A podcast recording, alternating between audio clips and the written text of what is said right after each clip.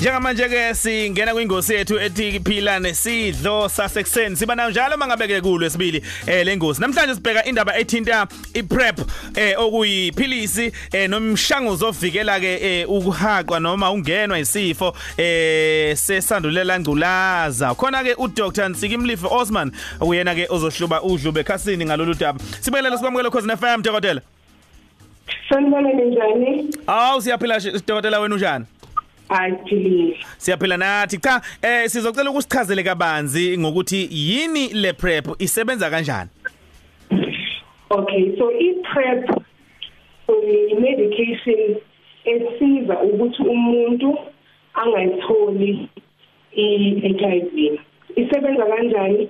Isebenza ngokuthi ibulale igciwane malingena emzimbeni ukuthi igciwane lingakwazi ukuthi likhule lakhe likhule emzimbeni. So uma uyithatha ngendlela efanelekile then igciwane liyafa uma lingena emzimbeni. Mm okay. Eh kuyezwakala so umuntu ngamanye amazwi uyayithatha lemshanguzo engakazi azabe nalo igciwane lengculaza ukuze avikeleke ukuthi lingamngeni? Yebo ikona kubalekile kakhulu ukuthi umuntu kumele uqala athethe ukuthi ingculaza kakabi nayo and then if a negative then bangakwazi ukuthi bamnikeze amaphilisi Mm sekuqinisekisiwe ukuthi liyasebenza ngempela? Uma sibheka ama-studies asiziwe ushuthi behlola wona lamaphilisi ukuthi asebenza kanjani and imiphumela yakhona impela umuntu uma ethatha ngendlela efanelekile. Iyahlisa Oh kancane nje kancane nje dokotela kuphazamisa. Angazi noma mhlambe usifake kula speaker ini ingane yakwethu hayi awuzwakali kahle lapho ngathi usendlini nje engenaso engenaso ngisho isigcikana nje. Kungcono manje. Eh awukhulume ukuqhubeka Hello? Yebo yebo sisi qhubeka ngama. Okay. Ukuthi into ebalekile ukuthi okokuqala umuntu kumele a-check ukuthi ingculaza kanayo so ufuna abe negative bese bathi umuntu uma ethathe ngendlela lamaphilisi shuthi ngendlela aprescribe ngayo yehlisa i-risk ngo-90% ukuthi umuntu ayithole HIV which inamba enkulu kakhulu loyo and isisize kakhulu especially kubantu ababizwa nge-high risk ekutholeni HIV just abafana nabantu abadayisa nomzimba iyabavikela ukuthi bangayitholi i-HIV as well as then umuntu mhlambe oshade noma ojona nomuntu one HIV Mm, kuyezwakala dokotela. Ngicela ukuthi ulalelisiseke ngane yakwethu sidlala ama voice note la eh abasithumelele wona ku WhatsApp wethu abalele bukhoze FM ukuze uzwe mhlawumbe uphawula kwabo kanjalo nembono nemibuzo abasuke benayo. Ulalelisise nje ke ntombi ukuze ukwazi ukuthi usiphendule usiphenduleke uma ngabe kudingeka. Okay. Dokotela. Uma nophoya inkosi kamlungwane edumele enkunzi esigoneni senkolokotho. Hayi le prep umuntu akaqiniseke ukuthi nami seke wayeswa kancane ngayo noma engayazi kahle. Ngale organization kuthiwa Africa Center ngapha ngakithi. Kodwa ke umbuzo enginawo ukuthi ukhona nomuntu sewavolontiya ukuthi cha angeke ngidlela amaphilisi bese ngihamba ngiyola into lengculaza kwatholakala ngempela kayimngenanga. Sikahlonyiswa sibona siphose ngamakhala kuzosibulala lento lena ngoba nasesosuke singene egroundini emakokho singawaphethe ngoba sithi siright. Sanibona lokho zini um ulindani wasibisi lo khulumayo um ngisacela ukubuza ukuthi iphilisi leli uliphuza ngaphambi kokuba nizibandakanye nocansi noma uliphuza after or uliphuza njalo njenge-treatment. Yabo ngisacela ukubuza lokho cause ngiyafisa ukwazi eh dokotela.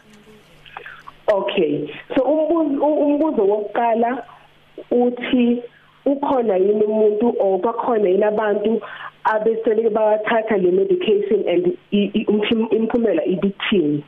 So impendulo yalapho ukuthi yebo impela bakhona abantu aseke bayithatha nama trials asebe khona enziwe ukuthi atshengise ukuthi le medication isiza kanjani. And iwona ke lawo esikhuluma ngayo ukuthi abonisa ukuthi ehlisa i-risk ngo 90% and lokho ke i suppose isithumela kumbuzo wesibili ukuthi isebenza kanjani. So isebenza ngokuthi umuntu athathe iphilisi elilodwa njalo ngosuku. So ukuthi uzobandakana nocansi noma ngeke kumele uthathe zonke izinsuku. Kubalekile ukuthi ulithathe ngendlela ekushiwo ngalo. So zonke izinsuku uhlale ulithathe sokufana nani ne chronic medication yakho. Hmm. ukuze uhlale uvikelekile. If uzoyeka lesinye isikhathi uthathe lesinye ungayithathi i-level yephilisi emzimbeni angeke ibe right. Therefore ukuvikeleka kwakho uzokwehla. So yiko kubalekile ukuthi uthathe zonke insuku okwesithathu umkhulumo wokuqala uthe shothi mhlamba amakhondom abantu ngeke basawasebenzisa. Cha akunjalo. Into ebalekile ukuthi amaphilisi lawa ayasiza ukuthi akhuphule ukuvikeleka kwakho so uthatha amaphilisi uphinde futhi usebenzise ama-condom konke lokhu sizamani sizama ukuthi sikhuphule ukuvikeleka ukuthi sizame ngazo zonke indlela Dokotela, hlala kuyintokozo ukukhuluma nawe ngasonke isikhathi. Eh siyabonga kakhulu. Nanka amanye ugcina ngicela uphinde ulalelisise futhi. Akhona amanye ama ama voice note okugcina la. Okay. Sanibona Ntshatha mina nginawo prep ukhona lendlini. Hayi wangehlula bandla. Wawuvela ungibangise ngenhliziyo encane ngikhishwe sister ngazibona ngaze kagcina senguyekile ngeke ngikwazi ongiphilisa kahlungu. Ngiyabonga. Khuluma noThandeka. Ntshatha ukhuluma anonymous wasemlazi. Uh, mina ngingowesifazane nesemncane in my early 20s ne. Ngiyawuthatha lamo prep and avungisebenza la Ntshatha. Uprep uyasiza uyasiza uprep. Ngiya encourage abanye abantu besifazane especially labo abasebancane njengathi ukuthi siwuthathe uprep uyasiza uprep.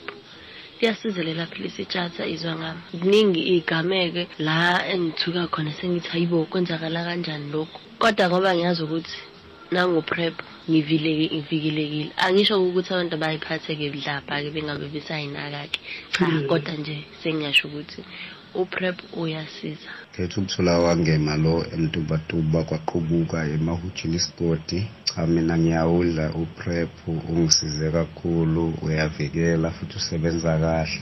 Lama-side effects abaye bethi unawo cha mina awukusho elilodwa engisalibonile kimi. Cha uprep bafowethu uyasiza. Nawe nje usengawuthatha uvikeleke. Asiyinakekeleni bafowethu impilo yethu le.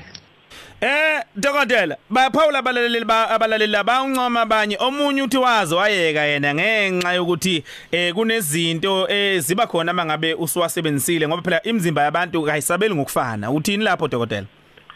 Uqinisile impela umlaleli kuyenzeka uma usawuqala uprep ukuthi khona izimpawu ozwayo ezingahlali kahle. So sometimes ufile ngathi uzokhalaza noma umzimba ufile ngathi ukhathele.